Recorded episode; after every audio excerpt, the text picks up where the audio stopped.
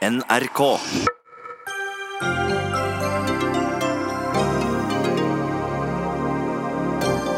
Byene kan ikke lenger sette opp bompengesatsene for å finansiere kollektivtransport, veier og sykkelfelt.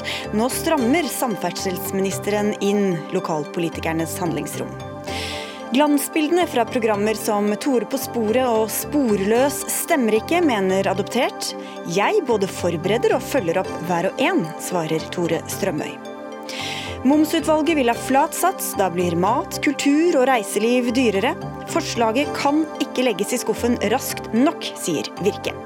Og er varsleren Julian Assange en demokratiets helt eller en demokratiets fiende? Kommentator Harald Stanghelle mente det siste, og har fått ytringsfrihetsorganisasjonen Penn på nakken.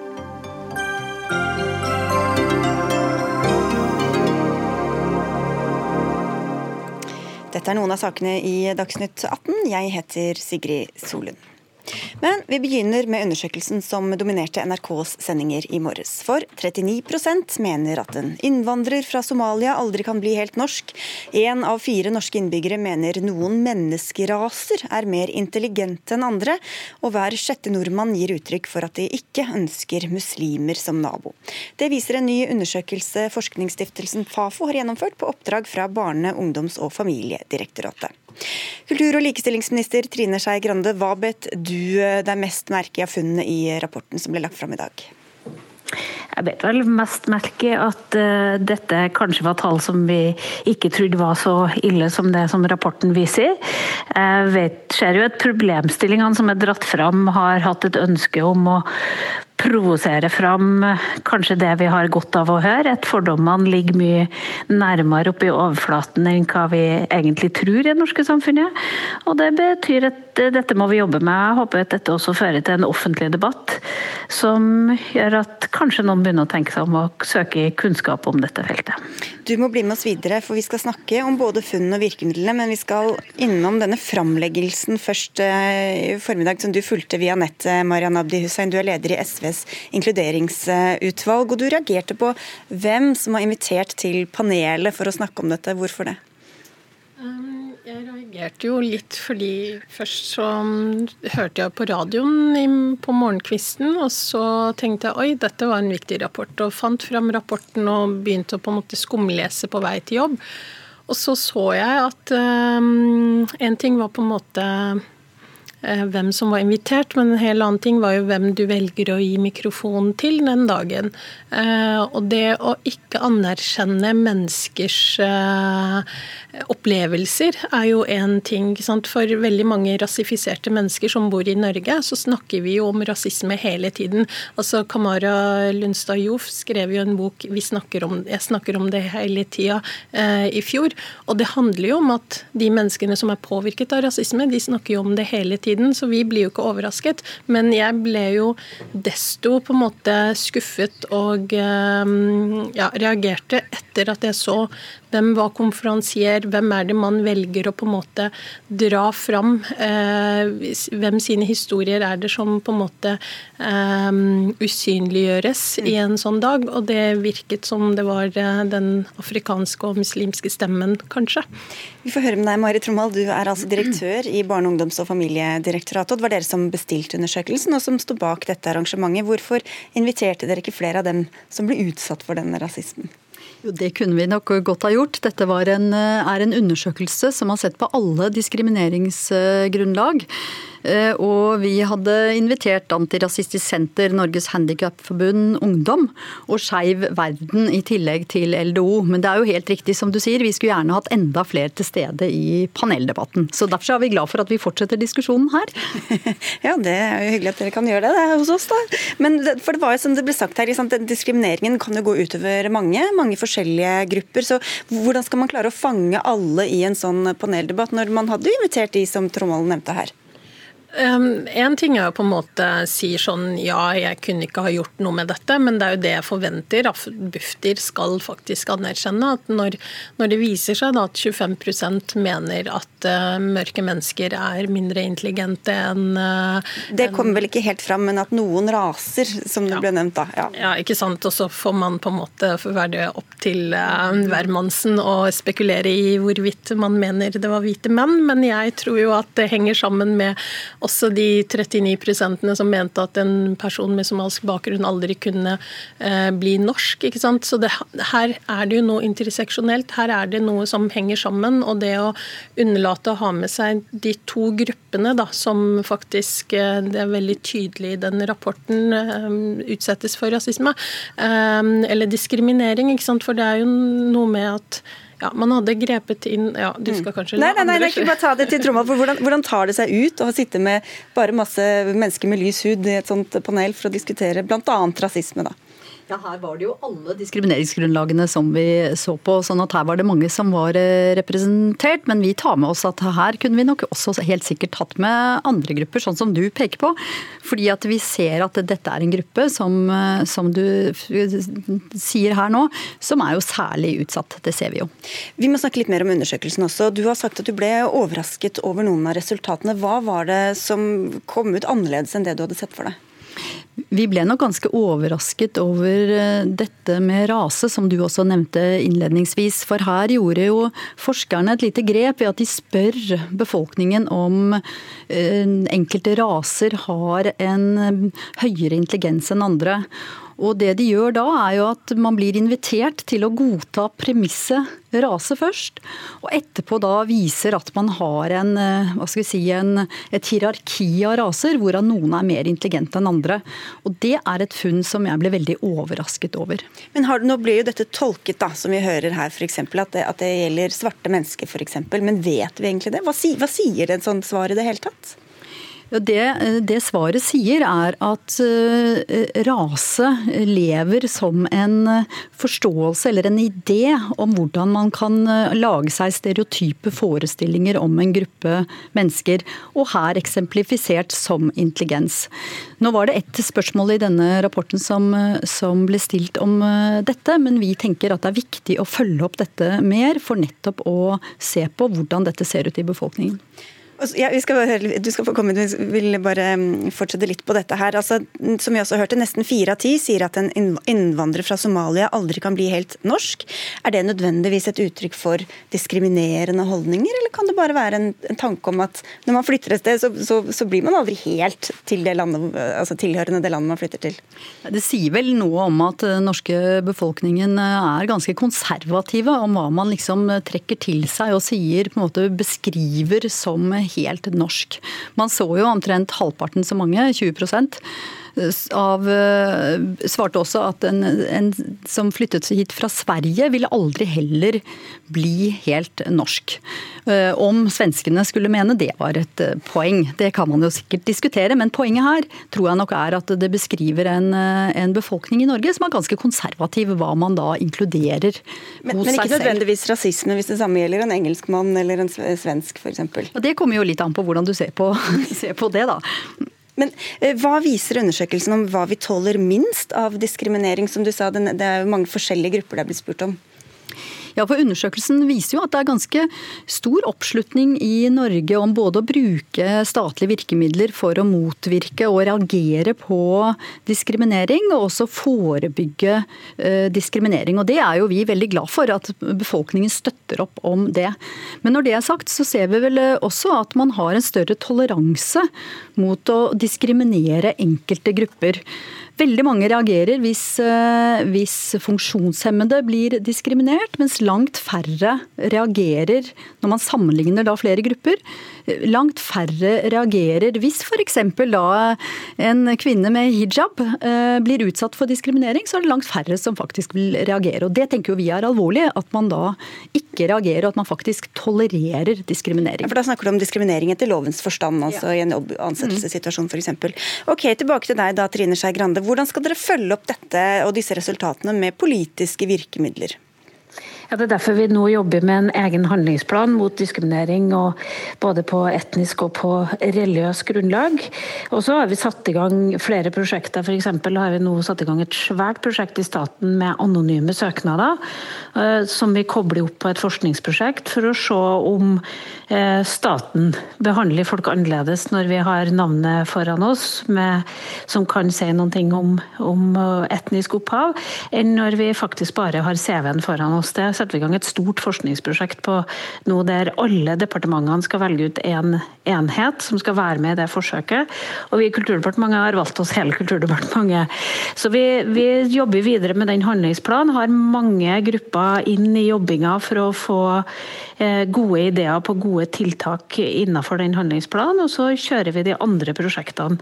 Men dette tror jeg vi bare trenger all politisk kreativitet vi kan ha om hvordan vi skal behandle det. Men jeg bare for å si én ting som også undersøkelsen mm. viser, nemlig at kunnskapsnivå henger sammen med fordommer. Eh, så det å spre kunnskap, eh, f.eks. de gruppene som er mest redd muslimer, er også dem som tror at det er flest muslimer i Norge, og det tallet er feil. Så, så det er en klar sammenheng mellom kunnskapen du har om gruppa og den diskrimineringa som du da har overfor dem. Vi kan jo se om vi får med litt politisk kreativitet fra deg også, her, Hussein. Hva mener du man skal bruke denne undersøkelsen til?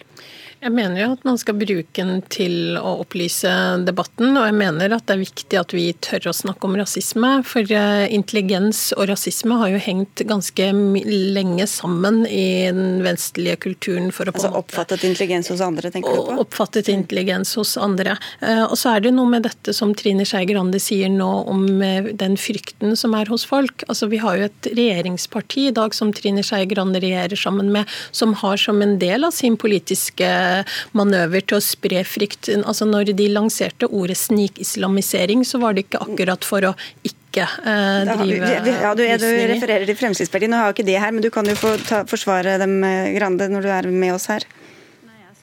Jeg forsvarer regjeringens politikk. De sakene Frp eventuelt taper i regjeringa, har ikke jeg tenkt å forsvare. Nei, ok, men da lar vi Frp ligge. Men eh, Hussein, da kan du bare få en avslutningskommentar her også til hva, hva mener du er de viktigste virkemidlene? Altså, alle vil opplyse og gi informasjon, men hva annet kan man gjøre? Nei, altså tenker jeg at eh, for, eh, for, veldig mange så ligger dette i at de oppfatter seg selv som antirasister, men så kan det hende at de ikke har gjort så veldig mye for å motvirke rasisme eller for å bygge broer i sitt nærmiljø.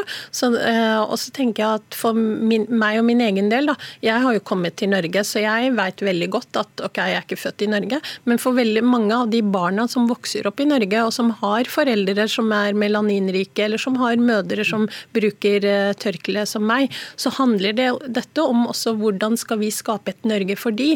Eh, for jeg er veldig opptatt av at det landet jeg skal bo i, det skal også være, ha en plass og en helt egen plass for mitt barn og mine barnebarn. Og da må vi jobbe aktivt da, for å faktisk motvirke den rasismen. Og da er det viktig at politikere eh, holdes ansvarlige for de ordene de bruker. At vi har et sivilsamfunn som faktisk aktivt motvirker den rasismen. Og da handler det om hvilke stemmer er det vi ønsker å trekke frem, hvilke paneldiskusjoner er det vi inviterer til, og den synliggjøringen av positive rollebilder for også de barna vi får her i Norge.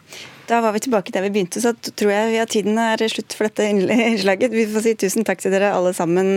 Mari Trommold fra Bufdir og Marian Abdi Hussein fra SV, og Trine Skei Grande, som også er kultur- og likestillingsminister. Dagsnytt 18 alle hverdager kl 18.00 på NRK P2 og NRK2.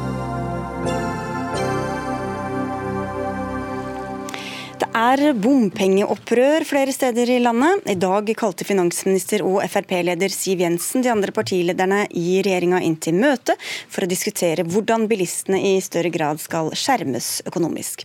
Samtidig varslet eh, samferdselsminister Jon Georg Dale at byene ikke lenger skal kunne skru opp bompengeprisen etter eget forgodtbefinnende. Så Dale, hva er det som blir annerledes nå, helt konkret? Det er flere ting, men eh, vi har jo sett eh, gjennom flere år at eh, hver gang det blir for lav inntekt eller kostnadssprekk på prosjekt i disse store byområdene, så velger en lokalt å skru opp satsen eller forlenge bompengeperioder. Det gjør at vi har hatt noe som ligner på evigvarende bompengeprosjekt. Sånn kan ikke vi ha det. Og Derfor så strammer vi nå inn på praksisen, sånn at vi får grunnlag for å redusere bompengene i staten. Hvordan gjør dere det? Hva er det som rent praktisk skal skje? Nei, Det som rent praktisk skjer nå, det er at de som stat som leverer milliarder av kroner f.eks. til Oslo, Bergen og på Nord-Jæren for å dempe behovet for bompenger når vi skal investere i kollektivtrafikken, sier også at de har forventninger til at vi klarer å kutte kostnader i prosjektene, ta vekk prosjekt vi ikke trenger, og reelt sett også da bidra til å redusere bompengene for vanlige folk. Mm. Oslo er en av de nevnte byene og stedene her. Einar Wilhelmsen, du er leder i Oslo Miljøpartiet De Grønne. Hvilke konsekvenser mener dere det kan få dersom man ikke kan justere dette selv på lokalt hold? Ja, For oss så tenker vi at dette er en aldri så liten jubeldag. Jeg kan ikke forstå noe annet enn at dette betyr at samferdselsministeren skroter bompengefinansiering av E18. Et prosjekt som vil koste folk 75 kroner å kjøre fra Asker til eh, Oslos bygrense for å finansiere et helt unødvendig motorveiprosjekt som vi har gått på valg på å ikke få bygd.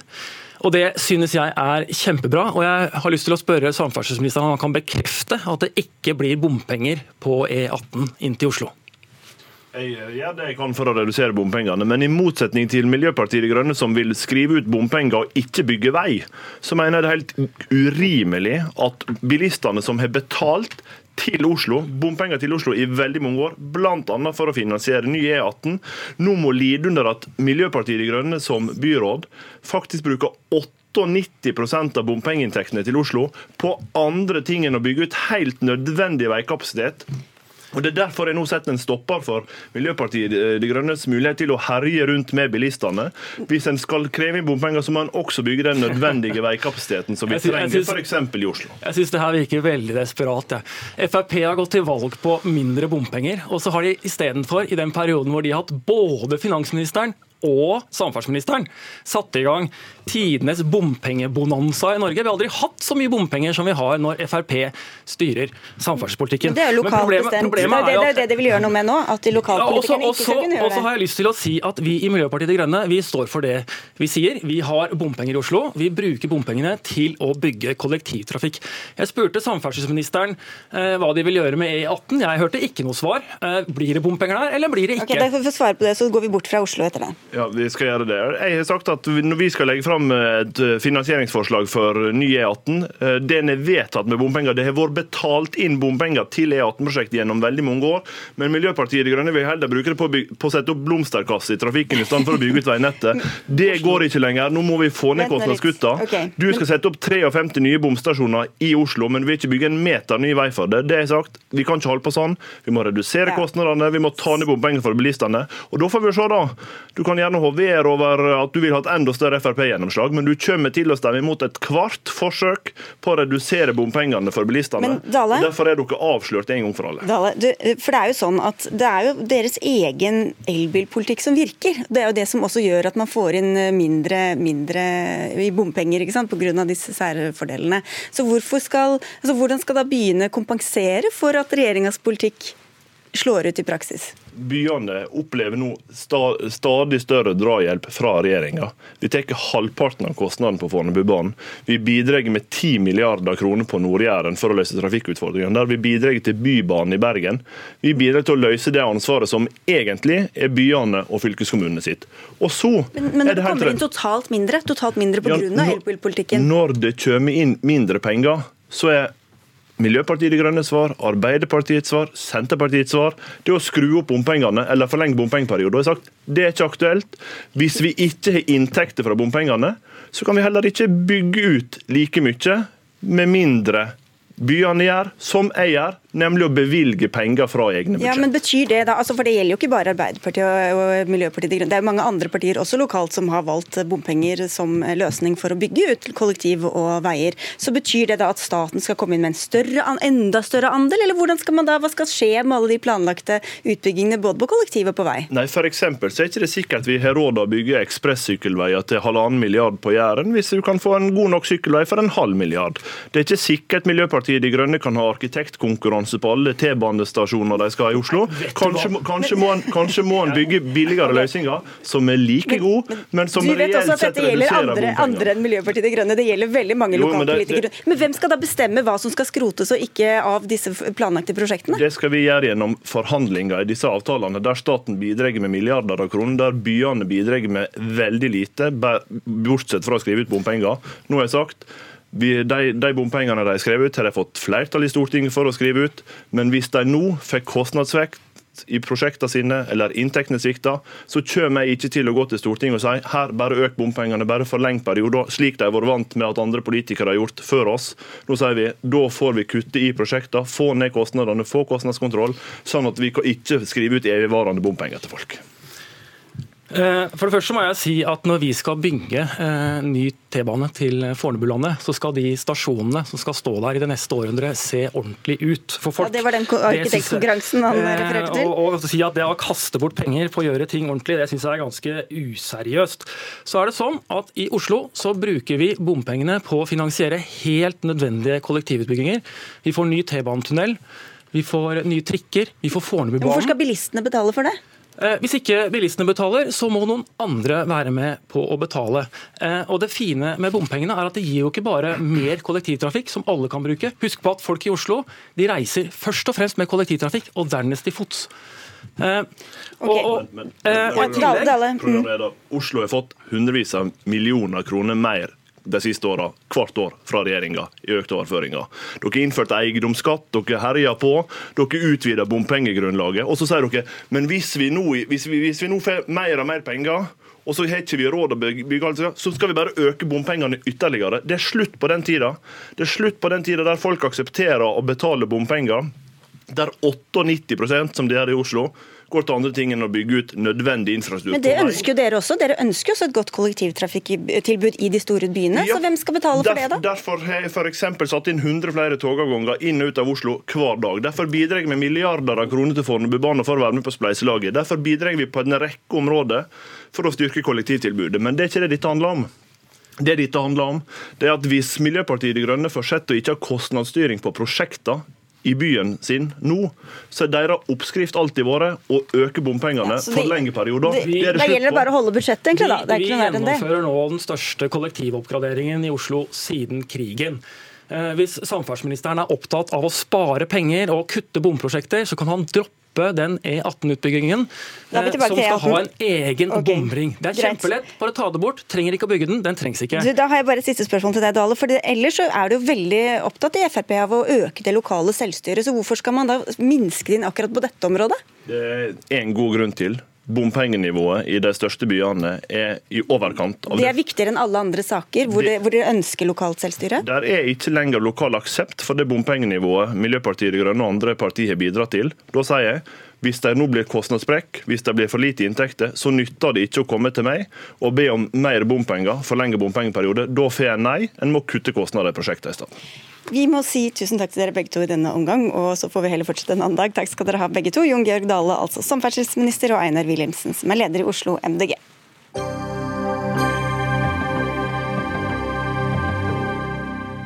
Snart spør vi om Wikileaks-grunnlegger Julian Assange er en ytringsfrihetshelt eller det stikk motsatte. Men først. Fjernsynsprogrammer som hjelper til med å gjenforene adopterte med den biologiske familien sin, kan skape gylne TV-øyeblikk, men i virkeligheten i etterkant er ikke nødvendigvis så gullkantet. Du har problematisert disse programmene gjennom flere innlegg i Aftenposten, Kine Samanti Priangika Kraggerud, Du er selv adoptert og kom til Norge da du var sju uker. Og du skriver at du er redd for konsekvensene og ringvirkningene av programmer som TV 2s Sporløs og Tore på sporet her eh, på NRK. Hva er det du frykter? Når eh, de programmene går inn i fødelandet til adopterte, så tar de ikke hensyn til kultur innad i landet i det hele tatt. Det er ingen som belyser tematikken som at eh, adoptivmødre, som er de biologiske mødrene, kanskje har gått gjennom en skjult svangerskap, eller ikke kan være ærlig om svangerskapet sitt, og hvilke konsekvenser det kan føre til i en kultur der det er basert på ære også. Og så er jeg veldig redd for eh, ringvirkningene for adopterte som sitter og ser på, og det blikket man eh, måten man belyser adopsjon på i Norge, da, hvilke blikk nordmenn har på adopsjon. Vi har jo ofte fått høre at vi har blitt redda ut fra landet våre. Men jeg veit ikke om det er tilfellet for alle. Spesielt ikke i episodene til Tore på sporet der det har kommet frem at adoptivmødre ikke har visst om at barna deres har blitt adoptert bort i det hele tatt. Mm. Det er veldig mye tematikk man kunne belyst. Så det er, veldig, det er, det er for dårlig forarbeid og kulturforståelse, sier du, i, i begge disse mm. programmene. Vi kan jo sette over til deg først, siden du ble nevnt her, Tore Strømme. Du er altså programleder for eh, Tore på sporet gjennom ganske mange år. Hva slags research gjør dere i forkant, og hva slags kulturforståelse er det dere utviser? Mm, nå eh, kjenner ikke jeg meg så fryktelig igjen i denne kritikken, det må jeg bare si. Og det har kanskje noe med at vi lager ikke så mye eh, adopsjonssaker.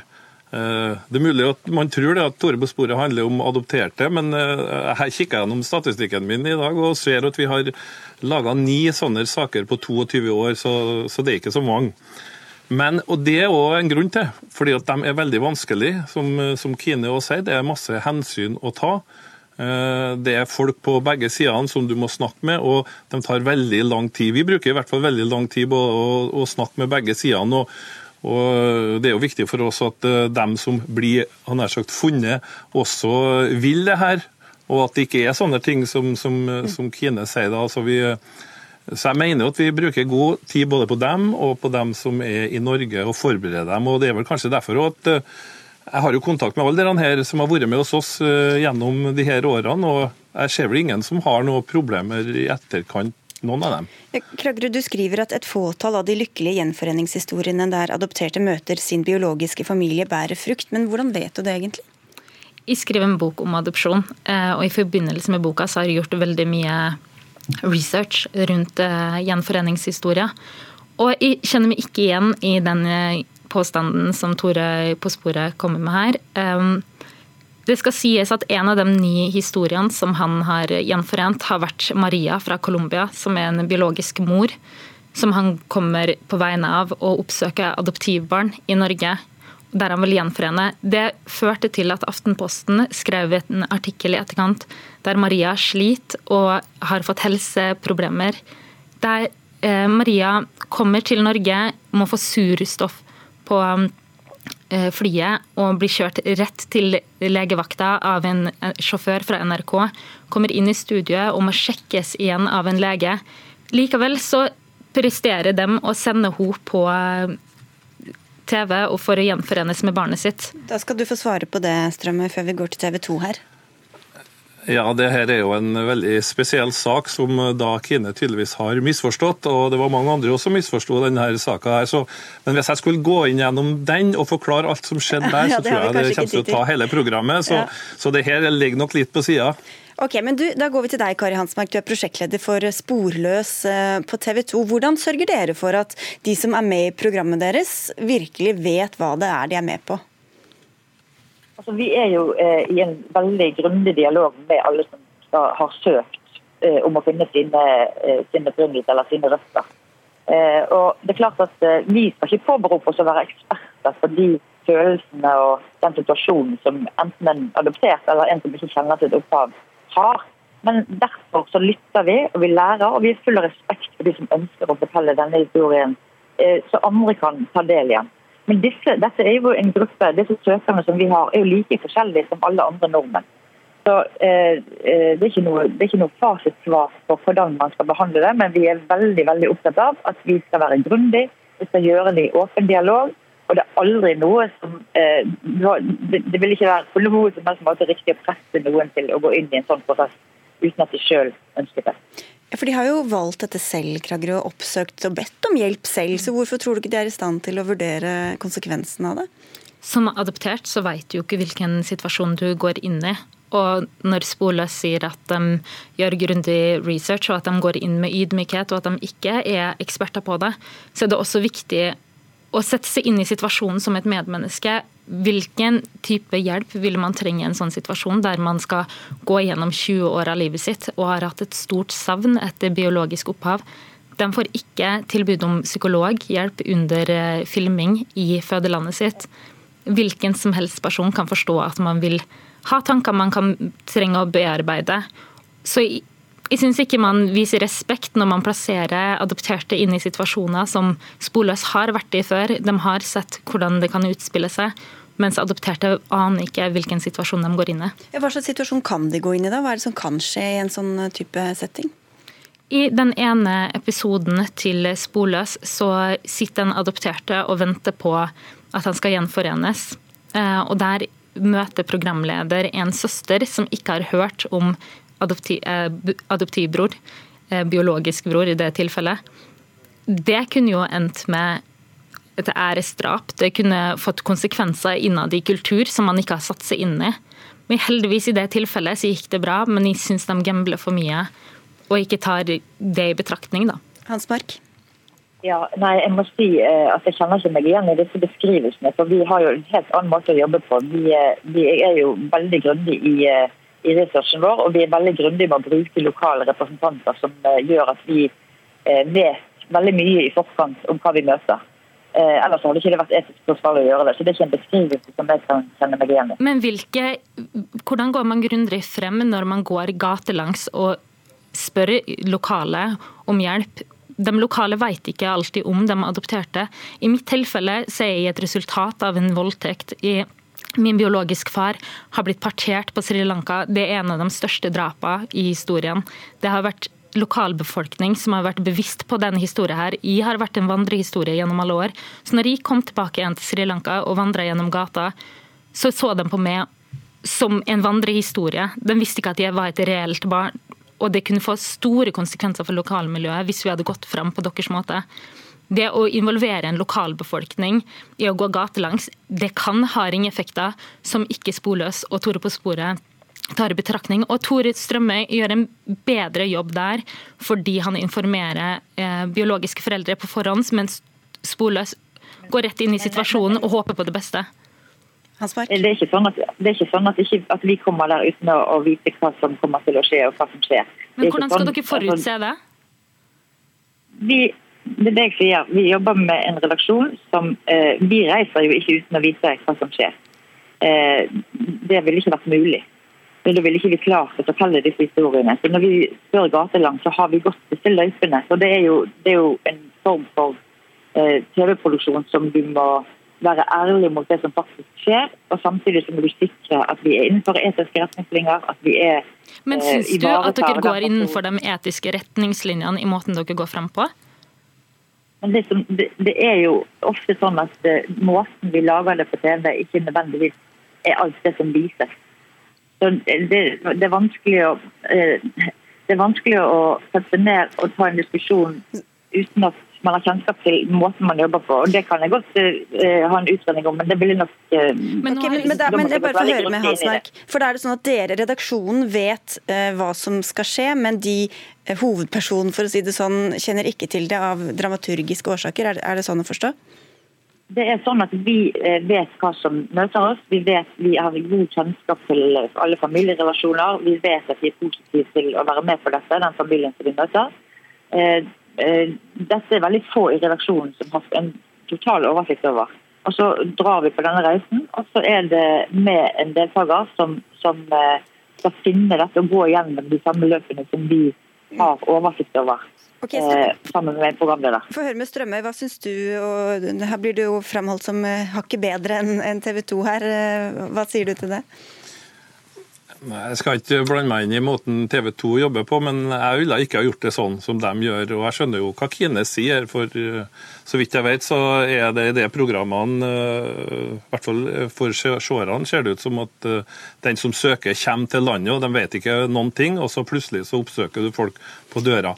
Det ville jeg aldri ha gjort, og det tror jeg ville ha gått galt hvis man gjorde noe sånt. Ok, Det skal Hans Mark få en kort kommentar til slutt på den. Ja, nei, Vi gjør ikke det heller. Vi går aldri og oppsøker noen uten at de er forberedt på det. Og du skjønner, og eh, på tampen her, Kragerø, for Du har også bedt om å få være med altså, og søkt om hjelp selv, men er glad i dag for at du ikke fikk det? Ja, jeg søkte gjennom en rekke år å få være med på programmet, men så begynte jeg jo å sette meg litt mer inn i gjennom andre deltakere som har vært med på hvordan man går frem. Og man får jo en kartleggingssamtale, som de kaller en psykologtime, der man sjekker psyken til eh, adopterte. Men det det er ikke et grått, eh, grundig nok arbeid da, for å kunne gå inn i en sånn eh, tematikk som man går inn i. Vi fikk i hvert fall sneiet innom det. Takk skal du ha for at du kom, Kine Samanti Priangika Kraggerud, og til deg, Kari Hansmark fra TV 2 og Tore Strømøy fra NRK.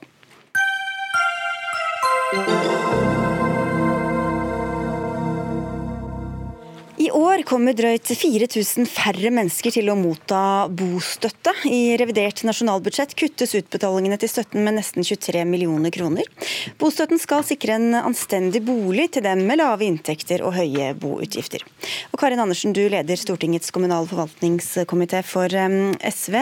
Og så, når flere mister bostøtten, viser statsministeren nok en gang at hun ikke bryr seg om at syke og uføre skal ha et trygt hjem, sier du. Hvordan kan du konkludere sånn ut fra disse tallene? Jo, for det, Hvis du skal ha et trygt hjem, så må du ha råd til å bo i det. Og Det er altså færre og færre som eh, får bostøtte nå. og Det kunne jo kanskje ha hengt på greip hvis boutgiftene til folk hadde gått ned og inntektene deres hadde gått opp, men det er jo motsatt. Og Den siste tallene vi fikk fra regjeringa viser jo at eh, snitt Eh, husholdningsinntekten, altså det de som bor i den familien har på et år, er vel 130 000. Og så har de 97 000 i husleie eller husboutgifter. Det er liksom det er den snittfamilien som får bostøtte. Det er, eh, hvis du er minstepensjonist nå, så har du for høy inntekt til å få bostøtte. Og det sier jo alt. At eh, det er veldig mange som da blir Eh, ene er at de blir fattige, de blir utrygge på at de kan beholde hjemmet sitt. Og kommunene må betale ut mer og mer i sosialhjelp fordi folk skal ha en stand å bo. Mari Holm Lønseth, du sitter i den samme komiteen for eh, Høyre. Dere bryr dere ikke nok om de syke og uføre, hører vi. Hva svarer du på anklagene fra SV? Jeg syns det er helt absurd å fremstille som et kutt når vi vet at det er 1100 flere barnefamilier som kommer til å få bostøtte som følge av de endringene vi gjør i revidert nasjonalbudsjett. Det er altså 18 000 barnefamilier som kan få opptil 8 8000 kroner mer i bostøtte som følge av de endringene vi har gjort. De som får, de får mer? Ja, de som får, de får mer. Og det synes jeg er ganske absurd å fremstille som et kutt at det er færre som mottar, men det er jo fordi at flere har en høyere inntekt som gjør at de ikke lenger har krav på bostøtte. Jeg synes ærlig talt at det er ganske bra at man sørger for at de som ikke har behov for bostøtte, får det ikke. Eh, men så at man sørger for at de som får de får mer og får muligheten til å dekke de utgiftene de faktisk har. Problemet her er jo at Høyre da tydeligvis mener at det å ha 130 000 i husholdningsinntekt er høy inntekt. Altså Alle som har prøvd å betale husleie og, og mat i kjøleskapet vet at det er nesten ingenting. Og det er det, Dere viser jo sjøl at inntektene, snittinntektene til dem som får bostøtte går jo ned. så dette Folk blir altså fattigere og fattigere, og de detter ikke ut av bostøtteordninga fordi de ikke trenger den. De detter ut av bostøtteordninga fordi det har oppstått oppstått et kjempegap på reguleringer som har vært i mange år. Sånn at jeg, jeg, jeg, jeg sitter jo Er det gjort noe med når satsen skal Nei, nei, problemet her er, og jeg sitter nå med tabeller her fra Husbanken som viser at det er færre som får. De som får, får dekt mindre av utgiftene sine enn før. Samtidig som inntektene deres har gått ned. Og det er færre og færre i den gruppa som, er mellom, som tjener mellom 100 000 og 200 000. Og de, veldig mange færre av dem som får, sjøl om det har blitt veldig mye dyrere å bo. Og Det betyr at det er færre som har råd til en trygg bolig. og Det er usosialt og det er helt unødvendig. Ærlig talt, Vi har gjort mange endringer i bostøtta for å sørge for at de som trenger det mest, får mer. Blant annet så har vi sørga for at man har oppdaterte ligningstall som gjør at folk ikke har problemer med å tilbakebetale senere. Blant annet så har vi sørga for å øke boutgiftstaket hvert år vi har sittet i regjering. Og vi har også sørga for at man ikke, altså at man prisregulerer og inntektsregulerer bostøtta. Det var en feil som hang med etter at SV satt i regjering i 2009. Nå er det sånn at Andelen boutgifter som man får fordekt gjennom bostøtta, ligger stabilt. Den sank ganske mye mellom 2010 og 2014, da SV sjøl satt i regjering. Det handler faktisk om at man må styrke bostøtta mer for dem som trenger det. Nå kan også 18 000 barnefamilier få mer enn 8000 kroner mer i bostøtte. Men, er, det, men, men er det sånn at alle de som trenger det, får det? Eller er det sånn, altså, for det er jo ikke så, kanskje så relevant om det er liksom 1000 her eller der, altså, men om det er sånn at hvis man trenger bostøtte, så får man det? Er, er det sånn? Ja, jeg mener at det er sånn. Man har jo valgt et nivå. Det nivået har man ikke gjort noe med for når man skal få bostøtte. Og så mener jeg at også kommunene må gjøre en kontinuerlig vurdering. Og vi må også gjøre en kontinuerlig vurdering for å se om det treffer rett. Nå mener jeg at det treffer rett, men jeg er jo glad for at regjeringa har sørga for å øke det med 66 millioner kroner i eh, revidert, og også 60 millioner kroner i statsbudsjettet. Det viser at vi styrker denne ordninga flere ganger i året, for at vi mener at det er viktig. Problemet her er Mari Holm Lønseth, er at de som får, fordekt en mindre del av boutgiftene sine. Det viser tallene fra Husbanken. Jeg sitter med dem her. Og det er helt åpenbart. At noen nå får et lite løft, er alle enig i. Men det er altfor mange nå med veldig dårlig råd som ikke får bostøtte. Og vi, vi, bruker altså ikke mer i kroner og øre i dag enn vi gjorde for ti år siden. Og på den tida så har boutgiftene økt enormt. Vi har blitt en halv million flere mennesker i dette landet, og forskjellene har økt. Altså De som har det vanskelig, har fått det mye vanskeligere. Og det er i lys av det vi ser at bostøtta hadde trengt et skikkelig løft, hvis vi skal sørge for at alle kan men, bo trygt. Hvis alle også har fått, eller ikke alle, men en del har fått bedre råd, og at det gjør at ikke de lenger jo, trenger men det, men det viser jo tallene at det er ikke sånn. For hvis du skal få bostøtte, så har inntekten gått ned for dem som får. Snittinntekten for de som får, har gått ned.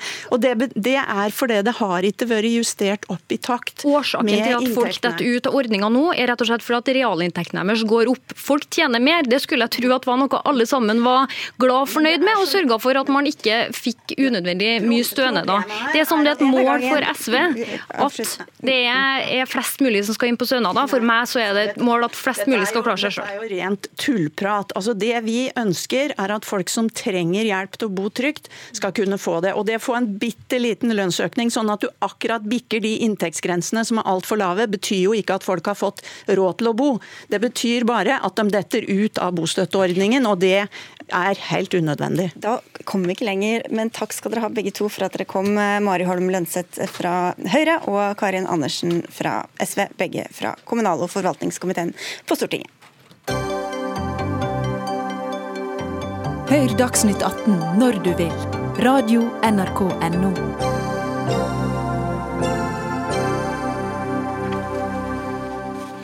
Wikileaks-grunnlegger Julian Assange skaper stadig debatt. Assange ble først og fremst kjent da han gjorde tilgjengelig enorme mengder hemmelighetstemplede dokumenter om USAs krigføring i Irak og Afghanistan. Under den amerikanske presidentvalgkampen i 2016 offentliggjorde den samme Assange og Wikileaks informasjon som var skadelig for Hillary Clintons kampanje. Norske støttespillere, som ytringsfrihetsorganisasjonen Norske Penn, tar særlig ikke denne siste saken alvorlig nok, skriver du i en kommentarartikkel i Aftenposten med tittelen 'Helten som ble demokratiets fiende'. Harald Stanghelle, hva er det du mener at Penn ikke forstår eller helt tar inn over seg? Altså Det Penn og jeg er samde om, er at han ikke bør utleveres til USA fra Storbritannia på det grunnlaget som, eh, som USA har, har, eh, bedt om utlevering på. Eh, men så har jeg reagert på at Penns nestleder har kalt det for støy når en diskuterer hva Wikileaks og Assange gjorde under presidentvalgkampen i 2016. De ble bejubla av president Trump, som vi vet. Jeg elsker Wikileaks som han sa. Men det de gjorde, var å bruke materiale som eh, russisk etterretning, russiske eh, kjelder, eh, hadde fått og hekka ved hekking fra Det demokratiske partiet. Offentliggjorde dette. Perfekt tima i bolke for å skade Hillary Clintons kampanje. Dette er noe av det mest alvorlige jeg vet om. Det er å gripe inn i et folks frie valg.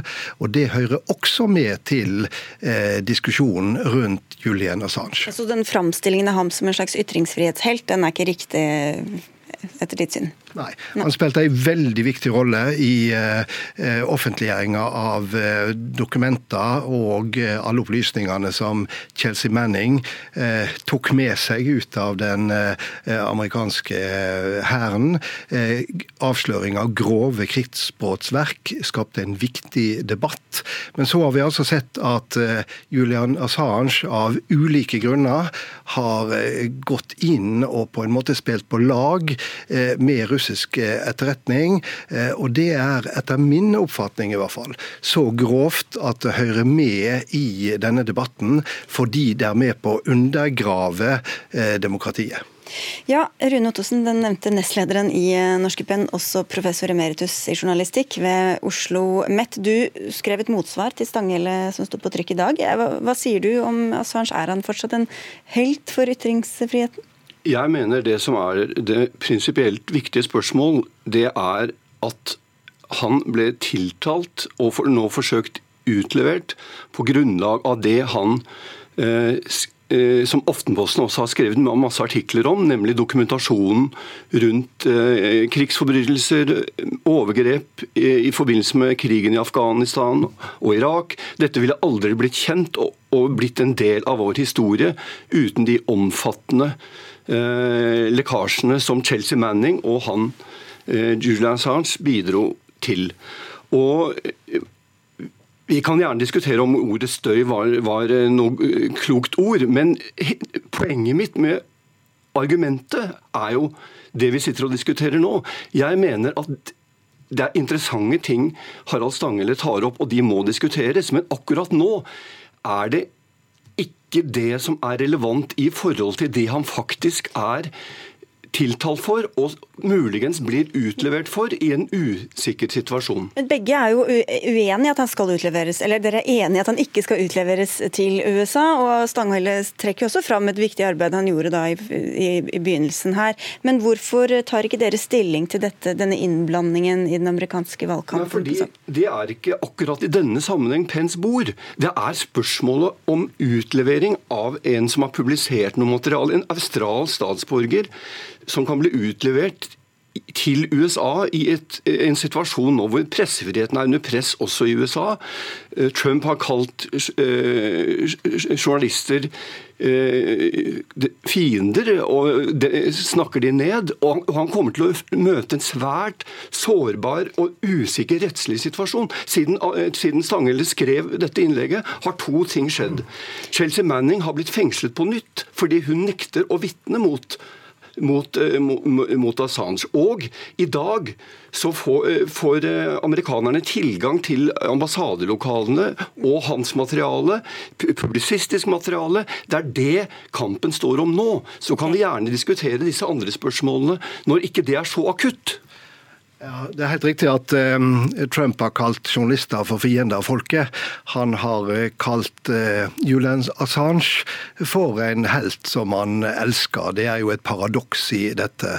Så etter min oppfatning så er det alltid en ytringsfrihetsorganisasjon som Pence bor, som du sier, og diskuterer det som ødelegger demokratiet. Og noe som virkelig ødelegger demokratiene våre, det er ulike kretser, fremmede stater staters forsøk på å undergrave et folks frie valg. Det var det som skjedde i 2016. Og om Julian Assange var en nyttig idiot eller ikke, det vet ikke jeg. Det som Møller-rapporten klart viser, det er at det er så mange forbindelseslinjer mellom eh, ulike russiske eh, interesser og Julian Assange. Og Julian Assange sjøl påpeker hvor, eh, hvor, hvordan Hillary må stoppes, og han bidro til å gjøre det. Det er så alvorlig at det må vi kunne diskutere. Det er ikke sånn at vi skal stikke det under en stol, og så komme tilbake til det om eh, et år. Ja, for du sier det er, ikke, det er ikke nå, det er ikke deres spor nå. Hvorfor, hvorfor er det ikke det? Eh, problemet er at Julian Assange har bestridt denne forklaringen. Han sier at, de, han sier at det er andre kilder, og det er også i etterretningskretser i USA andre påstander om at det er lekkasjene stammer ikke fra hacking, men fra en minnepenn. Og Poenget er at han kan ikke ta til motmæle. Og, og da syns jeg at i den situasjonen nå, så må man forsvare hans rettigheter som publisist mot et svært alvorlig situasjon. Selv om, selv om han kan ha gjort det. Dette er ikke en del av tiltalegrunnlaget mot han.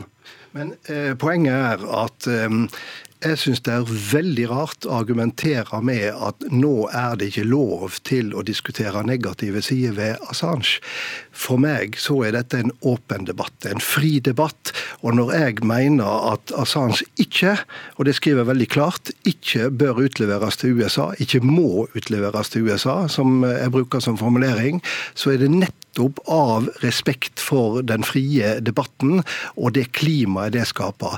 Da reagerer jeg veldig sterkt på at en nestleder i Norsk Penn tar og sier at nå skal vi holde kjeft, nå skal vi være tause om de vanskelige tingene rundt Assange. Det skal vi overlate til Assange sine fiender, eller hva det måtte være. Og så skal vi liksom eh, feie det under teppet inntil eh, et eller annet punkt. Sånn går det ikke an. Det er absolutt lov å snakke om det, men jeg stiller spørsmål til, også til deg. Altså, Dypest sett var jo dette det de kilder i Aftenposten som brukte dette materialet. Og Da tenker jeg, da står man opp for den kilden når de er i en usedvanlig presset situasjon og ikke kan ta til motmelde. Så kan vi mange ganger senere diskutere disse spørsmålene. Det er absolutt lov å gjøre det, men jeg syns ikke det er av respekt for de som nå er i en presset situasjon, den riktige diskusjonen hos akkurat nå. Det Vi trenger respekt for sanninga, og også disse tingene som jeg har holdt fram, det er en del av den vanskelige sanninga om Julian Assange. Dere, vi må si takk til dere i denne omgang, og så får vi fortsette ved en annen anledning. Takk skal dere ha begge to, Rune Ottosen, altså nestleder i Norsk Penn, og Harald Stanghelle, kommentator og tidligere redaktør i Aftenposten.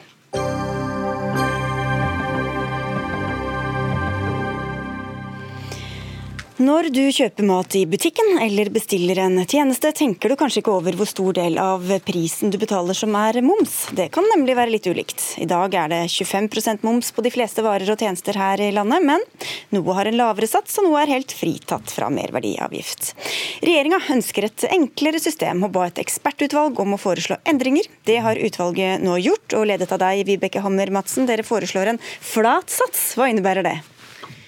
Det innebærer at eh, mandatet, som var å gi et en, en enklere momssystem med færre satser, eh, endte opp med at vårt forslag var da én sats. For å gjøre det mest mulig nøytralt, for det er det som er hensikten med momssystemet. Så momsfritak på medier og elbiler og helsetjenester med nullmoms, det vil dere ha slutt på? Ja, og det, for der ligger det jo en betydelig subsidiering. Og dette er jo områder som også får støtte på annen måte. Og da eh, sier utvalget at vi må rendyrke momssystemet og gjøre det mest mulig nøytralt. Minst mulig konkurransevridende. Minst mulig av vanskelige grenseoppdragninger som vi har i dag. Og Det som mange da ville merket, var jo dyrere mat. fordi der er det jo nesten halv moms, eller 15% som da skulle opp til hva det ble, om det var 23 eller 25. Og Da sier du at dette med flat takst blir enkelt å praktisere og lite diskusjon. Sitat slutt. hva får deg til å tro at dyrere mat er, eh, ikke skaper debatt? Det som, det som er poenget, er jo at vi slipper de vanskelige grenseoppdragningene og mange skjønnsvurderinger som ligger innenfor virksomheter som har opptil fire fire ulike satser som de skal vurdere. Og Da blir det mat for både revisjon og regnskap og for advokater, og det er det jeg ønsker å tekke. Men det er helt klart det, at det blir dyrere mat. Men vi har jo lagt inn, for dette frigjør jo 30 milliarder kroner, så vi har jo lagt inn støtte både til barnefamilier og de med lav inntekt, som gjør at eh, med noen hundrelapper i måneden, så vil de komme ut på akkurat samme nivå. Ivar Horneland Christensen, du er altså administrerende direktør i Virke, som organiserer eh, bedrifter innen handels- og servicenæringen. Mindre byråkrati, enklere, men dyrere mat og drikke. Hva er dommen? Nei, Vi syns dette forslaget skal legges i skuffen. Eh, vi syns ikke løsningen med en sats eh, er lurt. og Det går litt på at det er en del næringer da, som vil få en betydelig skjerpelse. Og når det pekes her på at man har regnet på at man kan kompensere, så innrømmer utvalget selv i rapporten at de ikke har gått i detalj på kompensasjonsordningene. Og For å ta dette med grensehandel, så er det sånn at en undersøkelse viser at 84% som drar og handler i Sverige, de gjør det pga. billigere pris. Det betyr at grensehandel som allerede er høy, vil jo da øke, som igjen vil faktisk true òg norske arbeidsplasser. Samtidig som det vil bli dyrere for de som handler mat. Altså Det bekante her er jo at du inntil nylig var administrerende direktør i Virke. Hva er det du For du sier at du ville jo antagelig sagt det samme hvis du var leder da og satt i hans stol nå. Hva er det, hva er det du har forstått nå da som ikke du tok inn over deg da? Ja, altså det er helt opplagt at her står vi overfor flere dilemmaer. Og grensehandelen er en utfordring. Men det som også utvalget sier her klart, og som vi har gjort undersøkelser på og sett nærmere eh, på, det er jo at det, det ser ikke ut til at det er momsen alene som gjør det. Det er jo den norske politikken med betydelige avgifter. Nå har vi hatt et utvalg på sukkeravgifter, og det trekker. Og også eh, så er det jo også eh, importvernet vårt, landbrukspolitikken vår, som gjør at vi har høye priser. Tenk på det at Danmark har altså én sats. 25% De møter grensehandel med Tyskland på 12% Vi har 15 og Sverige 12 Med andre ord, det er nok de andre avgiftene som er betydelige på dette området. Men jeg innrømmer at grensehandel er en utfordring. Okay. Det tida flyr så fort her. Vi skal få inn deg også, Sivert Bjørnstad. Du er medlem av finanskomiteen, sitter der for Fremskrittspartiet. Mange milliarder ekstra å rutte med, mindre byråkrati, enklere systemer. Hva sier du? Jo, det, jeg syns eh, både Hammer Madsen og, og, Virke presenterer gode argumenter, for så vidt. og Det er jo også grunnen til at vi ikke har konkludert, nemlig at eh, det er gode argumenter på begge sider.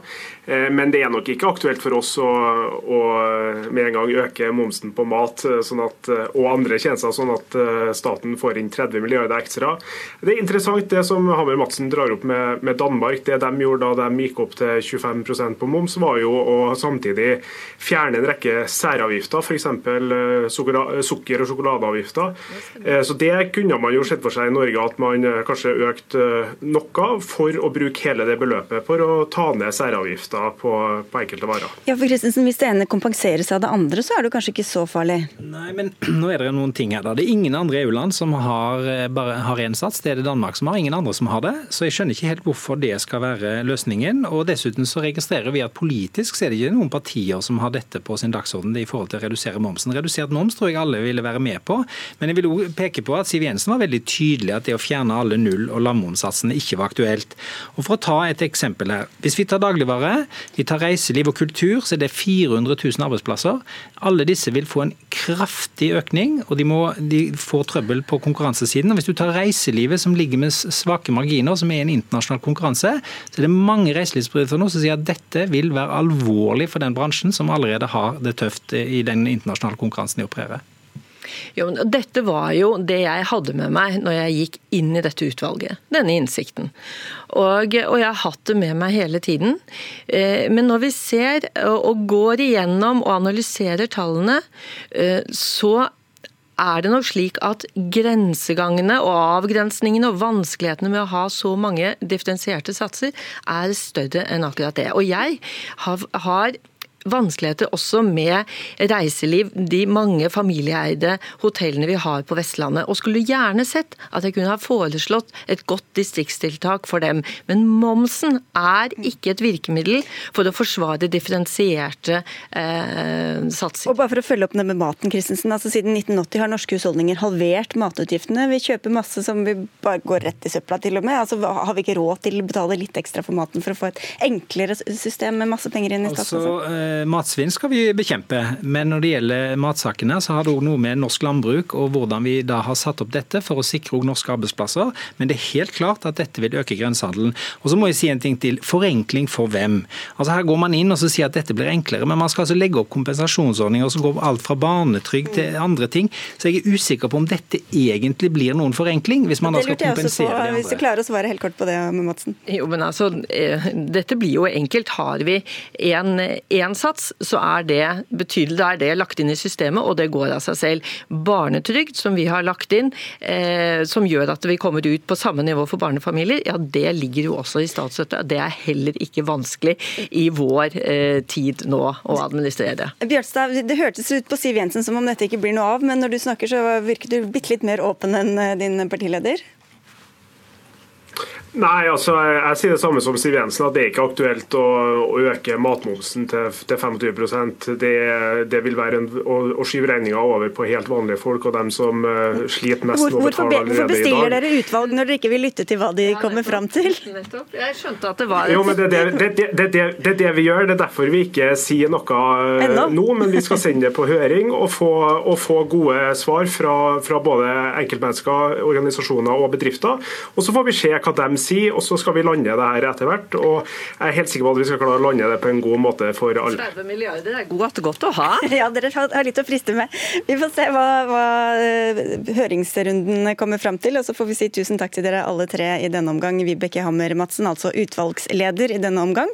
Til deg, Sivert Bjørnstad, som sitter i finanskomiteen for Fremskrittspartiet. Og til Ivar Horneland Christensen, som er administrerende direktør i Virke. Det var Tarjei Kramviken som hadde ansvaret for dagens Dagsnytt 18. Marianne Myrhol hadde det tekniske ansvaret. Jeg heter Sigrid Solund og ønsker en fin kveld videre.